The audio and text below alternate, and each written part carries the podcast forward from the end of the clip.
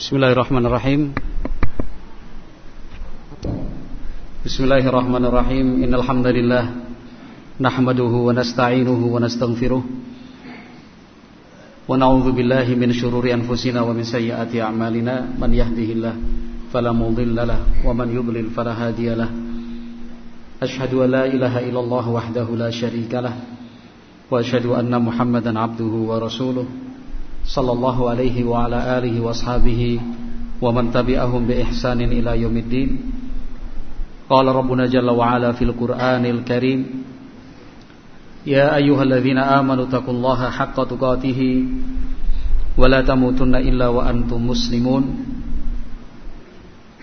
فإن أصدق الحديث كتاب الله وخير الهدى هدى نبينا محمد صلى الله عليه وسلم وشر الأمور محدثاتها فإن كل محدثة بدعة وكل بدعة ضلالة وكل dolalatin finnar Ma'asyiral muslimin wal muslimat rahimakumullah ada beragam cara yang dilakukan oleh masyarakat untuk menyambut datangnya bulan Ramadan. Banyak cara yang dilakukan dan itu ternyata tidak dituntunkan oleh Nabi Muhammad SAW. Kalau dalam pembahasan di depan tadi pada sesi yang pertama sudah jelas ya, bahwa Rasulullah Wasallam adalah teladan dan contoh untuk kita. Ya, itu sudah hukum yang pasti. Laqad kana fi Rasulillahi uswatun hasanah. Gak bisa dirubah itu, gak bisa ditawar. Apa pun Rasulullah yang kita jadikan sebagai panutan.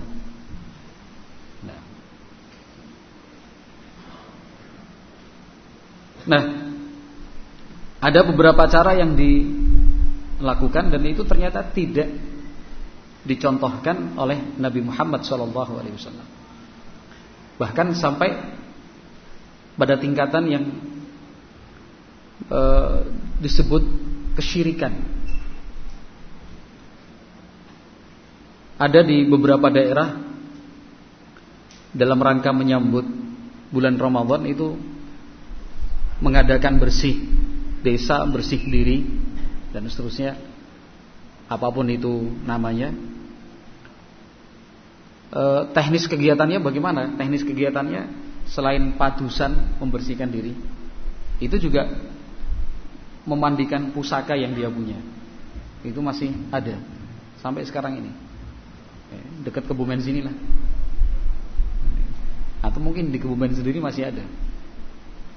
Jadi mereka yang punya pusaka-pusaka itu entah keris, tombak, pedang atau apa pun itu diarak bersama-sama dikumpulkan di halaman desa dipimpin oleh yang dituakan di tempat tersebut ya kan dengan pakaian adat bawa makanan tumpeng dan seterusnya kemudian menuju tempat yang dikeramatkan Ya. Dalam hal ini ya air terjun, sungai, belik dan seterusnya itu sumur. Makanan makanan itu dibuang sebagiannya, yang sebagiannya dimakan bersama. Kemudian pusaka-pusaka itu masing-masing maju oleh yang disepuhkan sana terus disiram pakai banyu suci katanya. Suci ya. Mulai dari keris, tombak, semua itu dibersihkan, disucikan. Baru mandi padusan bersama-sama. Kan itu. Itu dalam rangka apa? Dalam rangka menyambut datangnya bulan suci Ramadan. Harapannya dengan kegiatan seperti itu ibadah di bulan Ramadan lancar. Karena sudah disambut dengan bersih diri. Demikian juga apa yang dia punya dalam hal ini pusaka-pusaka itu juga sudah di, dibersihkan. Keyakinan terhadap benda-benda yang seperti ini jelas itu merusak akidah bertentangan dengan konsep tauhid yang diajarkan oleh Rasulullah Sallallahu Alaihi Wasallam. Karena meyakini bahwa benda-benda tersebut mempunyai sesuatu yang terkait dengan madarat dan manfaat. Mereka yang mempunyai benda-benda pusaka itu dan mengagungkannya sangat takut bila tidak dimandikan, tidak dijamasi. Bahkan dalam bahasa di tengah-tengah mereka, benda-benda tersebut harus dipakani. Itu ada makanan secara khusus, secara tersendiri. Nah, untuk keris-keris tersebut. Cara memegangnya pun beda, istimewa dia. Cara menyimpannya juga tidak asal simpan. Gak mungkin orang punya pusaka keris gini dan keris itu diyakini punya isi, ya punya punya isi ya. Kemudian sampai di rumah terus digeletakkan di atas kasur gitu aja set nggak mungkin, nggak ada ceritanya seperti itu. Itu kalau keris mainan boleh lah. Keris cuma hiasan itu ya mungkin. Tapi kalau keris dalam arti yang sesungguhnya bagi mereka yang menurut mereka itu punya isi, itu nggak mungkin. Dilepas dari pinggang terus di letakkan gini aja nggak berani kok gini aja. Itu megahnya pelan-pelan gini. Kan itu masukkan di lemari pelan-pelan tek sambil coba capu nggak berhenti itu. Ada apa namanya uh, bacaan-bacaan sendiri. Ya. Ya mantra-mantra. Kan itu dan tidak menutup kemungkinan ada di antara jenengan yang pernah seperti itu pernah ya oh enggak enggak enggak ada masalah kita cerita seperti itu bukan dalam rangka berbangga Tahulah, tahu ya. Saya juga enggak tapi tahu. Artinya apa? Meyakini ya, meyakini benda mati itu bisa apa? Tauhur wa tanfa. Bisa memberi manfaat, juga bisa menolak maldorot itu keyakinan walaupun ditolak enggak. Lah itu buktinya, buktinya itu perbuatanmu. Kan itu. Coba kerismu mbok jatuhkan gini dengan sengaja. Ya rawani, enggak berani dia. Gak mungkin berani, gak mungkin berani. Kan itu, jatuhkan gini. Wong mau diserahkan ke orang lain aja, pikir-pikir siapa orang ini? Jangan-jangan nanti mau dibuang, enggak. Nah itu kan sudah apa namanya merusak akidah yang seperti itu. Dan ternyata sekali lagi tidak sedikit masyarakat kita yang masih melakukan hal-hal seperti itu demi menyambut datangnya Ramadan demi menyambut datangnya Ramadan. Nah kalau seperti ini kondisi dan keadaannya, lalu bagaimana kejayaan umat itu akan bisa diraih? Nah, sementara caranya salah, langkahnya keliru. Janji Allah berupa kemenangan-kemenangan itu kan berlaku untuk orang-orang yang beriman, beramal saleh, yaitu yang mentauhidkan Allah Subhanahu wa taala. Kalau tidak mentauhidkan Allah Subhanahu wa taala bagaimana? Kemenangan Islam itu tidak ditentukan oleh jumlah. Bukannya ditentukan dengan apa namanya banyaknya yang kita punya. Kemenangan yang Allah janjikan itu hanya diperuntukkan bagi mereka yang mentauhidkan Allah meskipun jumlahnya sedikit meskipun terbatas dalam hal segala-galanya. Allah Subhanahu wa taala berfirman, "In yansurkumullahu fala ghaliba Jika Allah sudah menolong kalian, maka tidak ada pun tidak ada satupun pihak yang akan mampu mengalahkan kalian. Wa in yakhdhulkum faman dzalladzi yansurukum min. Tapi kalau Allah sudah hinakan kalian, tidak ada yang bisa menolong dan membela kalian. Kan gitu. Ngalap-ngalap berkah itu juga banyak dilakukan sebelum Ramadan. Padahal itu diingkari oleh Rasulullah Sallallahu Alaihi Wasallam. Kita masih ingat hadis Abi Waqid Al-Laythi radhiyallahu anhu tentang para sahabat yang baru masuk Islam. Sudah masuk Islam tapi masih terhitung beberapa hari. Pada saat akan berangkat untuk bertempur di lembah Hunain. Sebagian mereka mengatakan kepada Nabi alaihi salatu wasallam, "Ya Rasulullah, ij'al lana dzata anwat kama lahum dzatu anwat." Wahai Rasulullah, tolong buatkan untuk kami dzatu anwat. Sebagaimana orang-orang musyrik itu juga punya dzatu anwat. Dzatu anwat itu apa? Dzatu anwat yang di apa itu yang terjadi di kalangan musyrikin itu pohon ya kan, yang sangat dikeramatkan, dihormati, dimuliakan. Di pohon-pohon itulah mereka biasa menggantungkan senjata-senjatanya. Dengan keyakinan senjata-senjata yang digantungkan itu nanti punya kekuatan, punya tuah, tajam, titis, tepat, tidak mudah patah. Nah, seterusnya. Ya, kalau dalam bahasa kita sekarang sehari-hari yang dipakai itu disebut dengan ngalap berkah itu. Nabi Shallallahu Alaihi Wasallam marah. Allahu Akbar inna hasunan. Nah, marah Nabi Alaihi Wasallam. Kemudian Nabi Muhammad SAW mengingatkan sahabat-sahabatnya, menjelaskan itu semua tidak boleh. Tetapi yang ingin menjadi pembahasan kita sekarang itu diingkari oleh Rasulullah Shallallahu Alaihi Wasallam. Nah, menjadi berkah di tempat-tempat keramat, nah, di tempat-tempat yang wingit. Ya. Kalau pada contoh hadis tadi dengan menggantungkan pedang, ya kalau zaman sekarang dengan datang dengan melemparkan barang, dengan mengusap-usapkan kain atau pakaian kan itu. Dengan berinfak dan bersedekah. Keyakinannya itu bisa mendatangkan berkah sehingga bisa ini, bisa ini, bisa ini, bisa itu.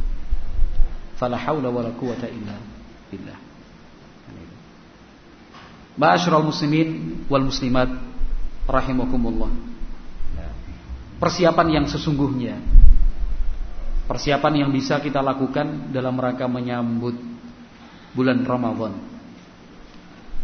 adalah persiapan-persiapan yang dituntunkan dan diteladankan oleh Rasulullah Sallallahu Alaihi Wasallam, yaitu menyambutnya dengan kualitas takwa dan iman, dengan kualitas takwa dan iman, menyambutnya dengan penuh kesiapan untuk melaksanakan ibadah semaksimal mungkin, untuk melaksanakan ibadah semaksimal mungkin. Nah, banyak hal yang bisa kita lihat dan kita perhatikan dari keumuman yang dilakukan oleh saudara-saudara kita kaum muslimin di bulan Ramadan. Termasuk persiapan-persiapan yang dilakukan sebelumnya. Sibuk untuk menyiapkan bekal dan makanan serta minuman yang itu keperluan dan kegunaannya untuk tubuh dan badan tetapi lupa untuk mempersiapkan makanan dan minuman bagi hati dan jiwanya. Kan bagi hati dan jiwanya. Contoh acara padusan itu ya. Campur baur. Yang nama padusan biar bersih, biar suci. Nah, apakah hal itu bisa membersihkan dan mensucikan? Sementara pada saat yang sama kemaksiatan dilakukan, mulai dari rangkaiannya ya rangkaian acara tadi yang tidak lepas dari kesyirikan campur baurnya ikhtilatnya saling lihat aurat satu dengan yang lain waktu sholat tidak diperhatikan sampai zuhur sampai asar. Tidak diperhatikan? Nggak mungkin ini bisa mensucikan dan membersihkan. Nah, tapi itulah. Di satu sisi kita bersyukur kepada Allah Azza wa Kegiatan-kegiatan seperti itu kita tahu hukumnya lantas tidak kita lakukan. Tetapi di sisi yang lain harusnya melahirkan semangat untuk kita supaya punya keinginan untuk menyampaikan hal ini kepada saudara-saudara kita yang lain. Supaya mereka tidak terus-menerus melakukannya. Ma'asyiral muslimin wal muslimat rahimakumullah. Bulan Ramadan adalah bulan yang penuh dengan ibadah mulai dari yang kaitannya tentang tauhid. Ya. Karena ibadah itu sendiri kan berarti tauhid. Bertauhid itu artinya beribadah hanya kepada Allah Subhanahu wa taala. Mulai dari puasa. Puasa yang dilakukan itu mestinya wujud dari tauhid seorang seorang hamba. Sehingga puasanya itu lillah karena Allah Subhanahu wa taala. Bukan karena seremonial. Ya kegiatan biasa aja lah. Bukan cuma karena yang penting nggak makan, yang penting nggak minum. Yang penting tidak berhubungan suami istri. Tapi harus ta'abbudan lillah. Puasa yang kita kerjakan itu ta'abbudan lillah. Ta'abbudan itu maksudnya sebagai bentuk penghambaan kita kepada Allah Subhanahu wa taala. Kita laksanakan perintahnya berpuasa. Bukan karena malu, bukan pula karena sungkan. Bukan karena tidak ingin dibilang apa namanya? enggak kuat atau yang semisalnya. Betul-betul dimaknai ibadah puasa yang dikerjakan itu. Nah, salah satu tanda bahwa ibadah puasa itu bisa dimaknai adalah dengan melaksanakannya tanpa ada beban berat dirasa. Kan itu. Tanpa ada beban berat Seakan-akan itu sebagai sebuah sebuah siksaan dalam tanda kutip. Bukan demikian, tapi dinikmati. Maka perhatikanlah ahli-ahli ibadah. Baik dari kalangan nabi dan kalangan rasul serta para pengikutnya yang baik. Nabi Dawud alaihi salam punya puasa yang kemudian dikenal dengan puasa Dawud ya kan? Yasumu yauman wa yuftiru yauman. Sehari puasa, sehari enggak, sehari puasa, sehari enggak. Kenapa? Karena memaknai ibadah dalam puasa itu. Nabi Shallallahu Alaihi Wasallam juga sering berpuasa, ya, sering berpuasa. Sampai-sampai orang yang tidak paham akan menyimpulkan, kok kayaknya Nabi Muhammad tiap hari puasa ya? Kenapa? Saking seringnya. Bukan karena Nabi Muhammad tiap hari puasa, Nabi Muhammad sendiri mengatakan asumu wa uftir. Saya puasa tapi saya juga berbuka, bukan puasa tiap hari. Tapi karena saking seringnya, orang yang tidak paham akan mengira oh kayaknya puasa terus tiap hari, padahal tidak. Tapi saking seringnya. Sallallahu alaihi wasallam. Abu Bakar Siddiq, Umar, Utsman, Ali. Sahabat-sahabat yang lain senang sekali berpuasa. Bahkan Abdullah bin Amr bin As ya. Apa namanya menyesal karena anjuran dari Rasulullah SAW tidak dipilih dan tidak diambil, Nabi sudah apa e, sarankan untuk puasa Dawud saja, tapi Abdullah bin Amr bin As merasa lebih kuat dari itu dan apa namanya dibiarkan oleh Nabi SAW tiap hari puasa terus tua baru terasa. Para ulama kita ada yang puasa Senin Kemis puluhan tahun lamanya tidak putus, ada yang puasa Dawud puluhan tahun lamanya sampai tidak pernah putus, nggak pernah berhenti sampai meninggal dunia. Bahkan tidak sedikit di kalangan ulama kita yang meninggal dunia dalam keadaan berpuasa. Nah, dokter memberikan nasihat jangan puasa. Jangan puasa dulu, istirahat dulu. Tapi tetap saja berpuasa. Bagi dokter, bagi orang lain, bagi kita berpuasa itu akan apa namanya memberatkan dan bahkan mungkin menyiksa karena kita yang kurang bisa memaknai puasa. Tapi para ulama kita yang betul-betul mengerti makna puasa, meskipun dalam keadaan sakit tetap berpuasa, kenapa? Karena bagi mereka puasa itu nikmat, menyenangkan. Ya itulah yang membedakan puasa yang dikerjakan dengan makna tauhid makna ta'abbud lillah menjadikannya sebagai bentuk penghambaan kita kepada Allah dengan yang berpuasa nah, hanya untuk menggugurkan kewajiban saja tidak lebih dari itu mereka yang memaknai puasa dengan arti tauhid ta'abbud tazallul itu betul-betul bisa menikmati puasa nah, bisa menikmati puasa sampai sakit pun nggak terasa puasa tetap aja eh, sakit tetap aja puasa sampai akhirnya meninggal dunia sampai akhirnya meninggal dunia. Kenapa? Yang akhirnya nggak minum obat ini ini segala. Apa kemudian itu uh, apa namanya termasuk mencelakakan diri sendiri? Ya kalau kita memandangnya gitu, wah itu mencelakakan diri sendiri itu maksa itu. Ya karena anda memang tidak suka puasa, makanya mengatakan seperti itu sebagai alasan saja. Tapi bagi mereka itu tidak. Nah, kenapa saking saking senangnya dan bisa merasakan enaknya berpuasa? para ulama kita rahimahumullah. Nah, itu yang harus kita persiapkan sebaik-baiknya besok. Jadi misalkan tanggal 1 Ramadan tiba, entah hari Sabtu hari Ahad kita tunggu ketetapan dari pemerintah. Ya, mari kita laksanakan dengan bergembira, dengan riang ya, tanpa ada beban yang kita rasakan berat Betul-betul senang berpuasa itu senang. Nah, karena mereka para ulama kita rahimahumullah mengerti betul keutamaan dan pahala seperti apakah yang dijanjikan Allah Subhanahu wa taala bagi yang berpuasa. Surga. Surga.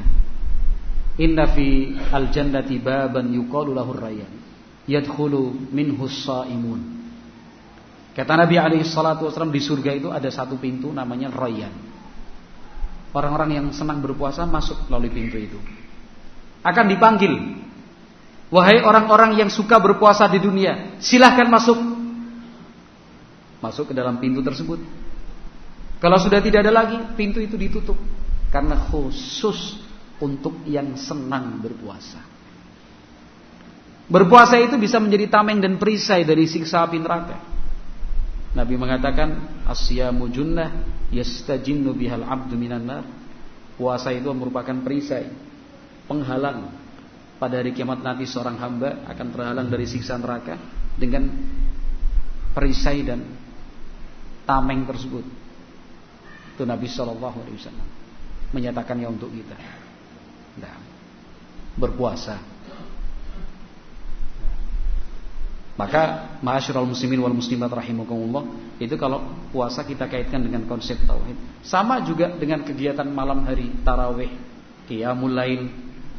Nah, berdirinya kita, rukuk dan sujudnya, duduk dan tasyahudnya, semuanya yang kita lakukan itu harus dimaknai sebagai bentuk tauhidullah, berta'abbud, menghambakan diri di hadapan Allah Subhanahu wa taala. Betul-betul menghamba kita tunduk kepada Allah Subhanahu wa taala. Qiyamul lail, salat tarawih, membaca Al-Qur'an, berzikir. Nah, itu semua kan ada di dalam bulan Ramadan. Sedekah, infak, zakat, baik zakat harta maupun zakat fitrah. Ya. Nabi Shallallahu Alaihi Wasallam ajwad an-nas Beliau itu orang yang paling dermawan, suka memberi. Wa ajwad ma yakun fi Ramadan, tapi pada bulan Ramadan bertambah nilai kedermawanannya sallallahu alaihi wasallam. Suka memberi, senang berbagi. Itu Nabi sallallahu alaihi wasallam di bulan Ramadan. Nah, sehingga kalau secara hitung-hitungan matematika, hitung-hitungan matematika, Orang yang beribadah di bulan Ramadan itu bisa meningkat, melipat gandakan ibadah yang biasa dia kerjakan di kehidupan sehari-hari. Kan Jadi kalau misalkan ada di antara kita, nah, nasallallahu taufik, ada di antara kita tidak mampu melipat gandakan ibadah di bulan Ramadan, jangan sampai termasuk yang didoakan amin oleh Rasulullah Sallallahu Alaihi Wasallam Ketika Nabi naik di atas mimbar, beliau mengatakan amin, naik lagi, amin, naik lagi, amin. Nabi terangkan tadi malaikat Jibril menyampaikan kepadaku. Kan itu. Man dakhala Ramadan. Barang siapa yang masuk di bulan Ramadan, kemudian keluar dari bulan Ramadan walam yughfarlah, kemudian dia tidak mendapatkan status sebagai hamba yang diampuni oleh Allah Subhanahu wa taala, celakalah dia. Nabi mengatakan amin. Jadi bulan Ramadan itu kesempatan untuk mendapatkan rahmat, mendapatkan ampunan dan maghfirah dari Allah. Setelah sekian waktu, sekian banyak kesalahan dan dosa kita lakukan. Ramadan kesempatan kita bersih-bersih diri. Untuk mendapatkan maghfirah dari Allah. Kesempatan dibuka selebar-lebarnya di bulan Ramadan itu. Celaka kata Nabi, rugi sekali. Ramadan selesai, tak hari terakhir hari 29 atau hari yang ke-30 sesuai hitungan hari selesai. Kok statusnya tidak diampuni? Celaka. Rugi. Nauzubillah. Nah, kenapa? Tidak memanfaatkan siang dan malam Ramadan untuk banyak-banyak beribadah kepada Allah Subhanahu wa taala kesempatan kita meraih maghfirah dan ampunan darinya nah di antara Ma'asyiral muslimin wal muslimat rahimakumullah di antara bentuk ibadah yang mesti kita perhatikan ketika bulan Ramadan itu adalah memperbanyak doa. Memperbanyak doa. Tidak ada satupun tokoh besar di dalam Islam dimulai dari Rasulullah SAW sampai seterusnya seterus seterusnya kecuali pasti dikenal sebagai sosok dan figur yang senang berdoa. Anda ingin sukses, Anda ingin berhasil, Anda harus sering-sering berdoa. Anda ingin sukses, Anda ingin berhasil, tetapi jarang berdoa, tidak mungkin Anda sukses, tidak mungkin Anda berhasil. Karena berdoa itu sebagai tanda dan bukti kedekatan Anda dengan Allah Subhanahu wa taala. Semakin sering datang, semakin sering meminta, terhubung antara hamba dengan Al-Khaliq, zat yang menciptakannya. Nabi Shallallahu alaihi wasallam itu sering dan banyak berdoa. Perang Badar misalkan. Perang Badar. Nabi Shallallahu alaihi wasallam semalam suntuk itu tidak berhenti berdoa angkat tangan, doa terus sampai selendangnya jatuh. Sahabat Abu Bakar Siddiq yang ambil pasang lagi. Doa terus jatuh lagi. Tangan diangkat tinggi-tinggi, ditengadahkan. Terus nggak berhenti. Sampai sahabat Abu Bakar kasihan lihat Nabi. Saking cinta dan kasihnya kepada Nabi. Kata sahabat Abu Bakar Siddiq, "Kafa kamunajataka ya Rasulullah." Kafa kamunajataka ya Rasulullah. Cukup munajat Anda wahai Rasulullah. Cukup munajat Anda wahai Rasulullah. Kenapa?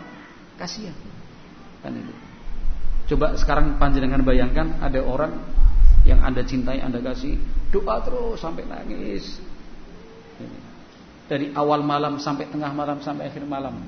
Gini terus. Terus. Berdoa kepada Allah. Abu Bakar Siddiq saya mengatakan cukup wahai Rasulullah. Allah pasti kabulkan keinginan Anda. Cukup wahai Rasulullah. Allah akan wujudkan janjinya.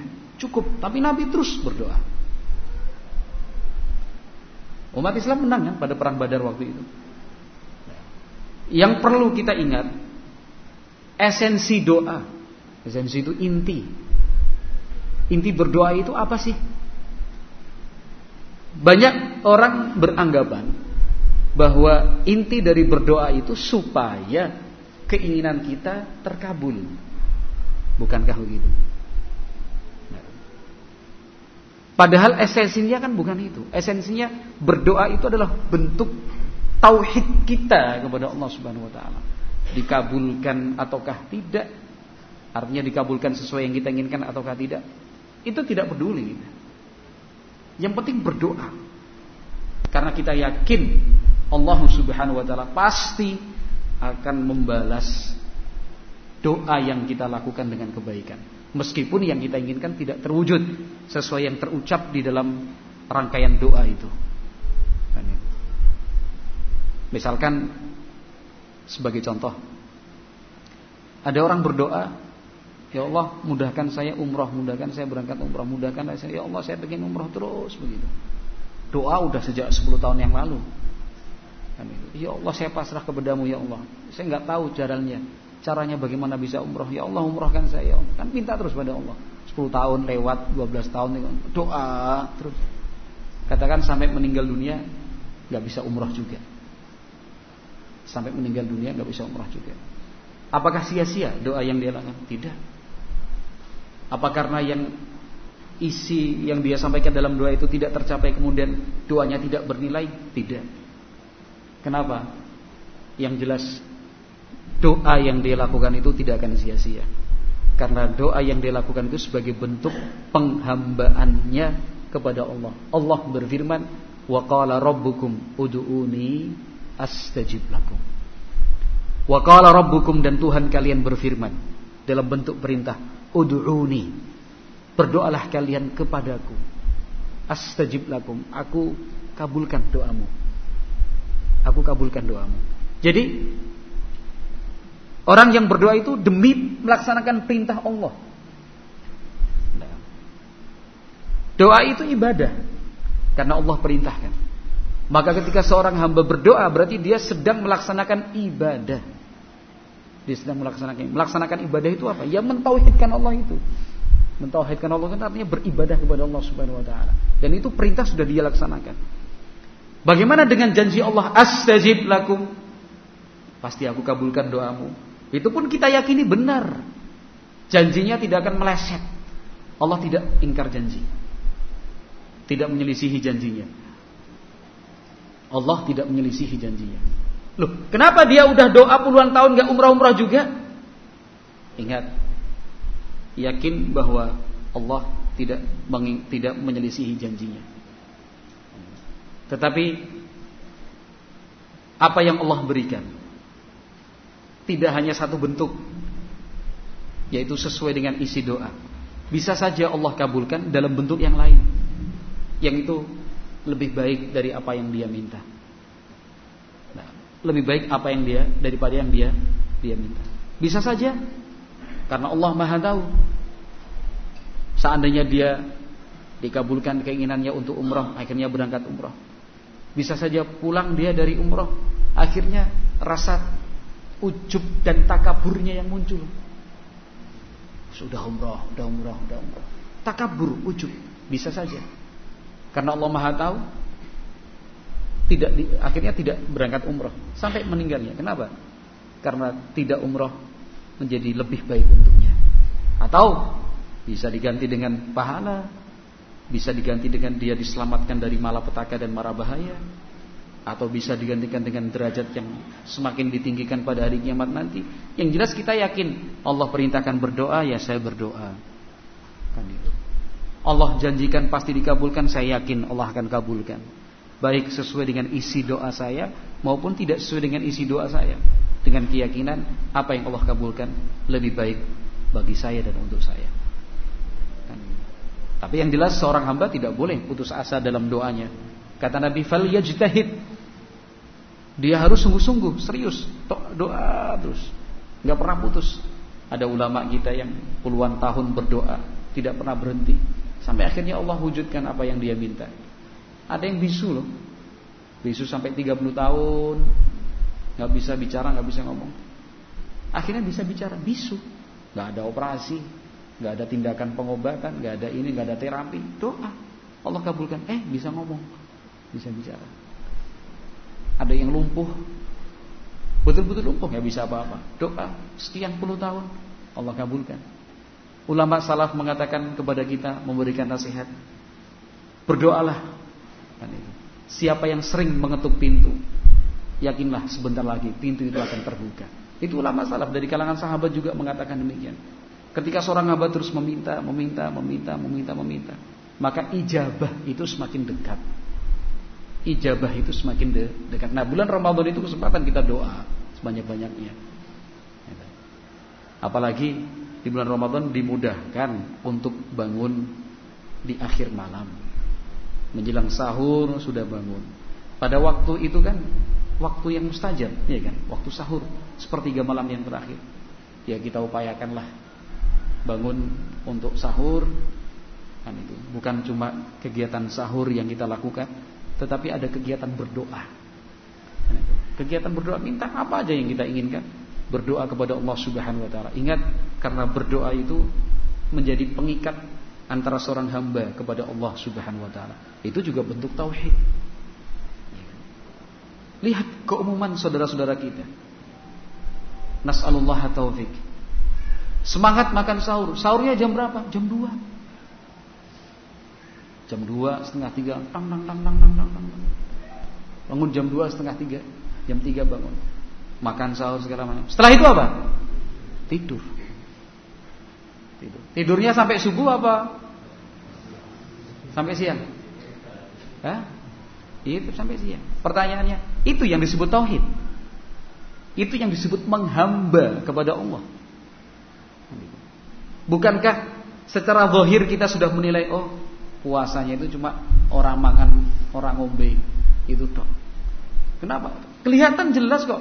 Bangun jam 2 siap makanan apa? Set, selesai lampu kamar makan dimatikan dek masuk kamar ambil selimut tidur lagi. Adzan subuh nggak peduli. Komat juga apalagi nggak peduli. Bangun jam 6 persiapan masuk kantor tetap nggak sholat subuh. Tetap aja berangkat. Kesadaran untuk sholat subuhnya nggak ada Zuhur juga begitu, maghrib juga juga. Maghrib Makan. Wah, udah buka, makan. Berbuka. Yang lain berangkat ke masjid, dia ya nggak tidur lah. Nggak tidur. Selesai berbuka, puasa dia. Selesai berbuka, ngutut. Iya Di teras rumah, teras depan sambil lihat televisi nonton sinetron gini. Ini baru aja berbuka puasa loh, ngutut. Guyon sama istri sama anak-anaknya. Enggak ke masjid untuk melaksanakan maghrib. Isya nanti baru berangkat taraweh. Masya Allah. Itu yang namanya tauhid. Bukan itu kan namanya. Tauhid itu kan menghambakan. Ya Allah saya hambakan diriku. Inna salati wa nusuki wa mahyaya wa mamati lillahi rabbil alamin. Salatku, sembelihanku, hidupku, matiku lillah untuk Allah Subhanahu wa taala. Ini yang harus kita perbaiki bersama. Ya kita tidak perlu melihat orang lain, ya kita mulai dari diri sendiri, keluarga kita saling mengingatkan. Ada semangat mengingatkan dan yang diingatkan pun harus legowo dan lapang dada. Jangan yang ingatkan anaknya misalkan, Bi bangun Bi, hah? Atau Mi bangun Mi, sudah, Anaknya masya Allah anak yang soleh, anak yang solehah. Ngingetkan orang tuanya kok malah dibentak. Harusnya kan bersyukur, alhamdulillah punya anak kok mau ngingetkan. Alhamdulillah punya anak kok lebih duluan bangunnya. Coba tanya sama orang tua yang curhat, yang ngeluh, Ustaz, Ustaz. Ini bangunkan anak biar mau sholat subuh gimana ini ya Allah. Udah berkali-kali disiram, cepat sih mau bangun ini. Coba tanya sama orang tua seperti itu, lebih milih mana? Punya anak seperti itu atau kita yang belum begitu telat tidur seret sudah dibangun Pak bangun Pak. Udah asar Pak. Padahal sedang anaknya tidur ya kan? Atau misalkan sholat subuh anak kita yang duluan bangun Pak bangun Pak. Subuh Pak. Bangun. Ya. Pak bangun Pak. Udah mau komat? Iya ya. Udah komat Pak? Ya ya ya ya lebih milih mana coba? Ini anak yang mau mengingatkan. Memang berat sih. Memang berat bagi kita sebagai orang tua kalau dibangunkan sama anaknya itu. Apalagi kalau anak-anak yang rodok cerdas gitu, ngomongannya agak baik dalam tanda kutip nyelekit, ya kan? Nah, itu memang berat sekali kita menerimanya. Allah bi, bi salafi kok kayak gitu. Nah. Ya ngomong anaknya, ada anak-anak seperti itu. Itu polos, lugu. Bukan karena ingin menyakiti dan durhaka kepada orang tuanya. Polos. Lah bibi salafi kok kayak gitu. Sambil ketawa tapi dia hatinya lekit. Aduh. Alhamdulillah anak kita sudah menjadi anak yang soleh dengan cara yang seperti itu. Ya dipersiapkan sebaik-baiknya bulan Ramadan nanti. Ya kan? Kita isi dengan hari-hari apa dengan ibadah sebagai bentuk penghambaan kita kepada Allah Subhanahu wa taala. Yang jelas rapotnya harus naik waktu Ramadan itu. Ya masing-masing kita punya penilaian lah dan mampu melakukannya. Yang sehari-hari ini jarang baca Quran ya, berarti besok Ramadan rapotnya naik lah. Ya kan? Yang jarang sholat sunnah naik, yang kurang perhatian dengan waktu sholat wajib ya, jadi naik, yang nggak pernah puasa puasa yang jarang bangun malam akhirnya ikut salat tarawih. Meskipun di awal malam alhamdulillah itu statusnya qiyamul lail. Meskipun di awal malam statusnya tetap dinamakan qiyamul lail. Melaksanakan salat malam. Terus catat yang kemarin-kemarin pelit sekarang hilang pelitnya suka berbagi memberi makanan berbuka dan itu. Dan seterusnya harus naik nilainya. Harus naik nilainya. Wallahu alam bisawab mudah-mudahan Ramadan yang akan datang ini menjadi Ramadan yang penuh berkah untuk kita semua dan semoga semua dari kita yang melewati bulan Ramadan nanti sampai selesainya pun mendapatkan status sebagai hamba yang mendapatkan ampunan dari Allah Subhanahu wa taala. Wallahu a'lam bishawab walhamdulillahirabbil alamin. Assalamualaikum warahmatullahi wabarakatuh.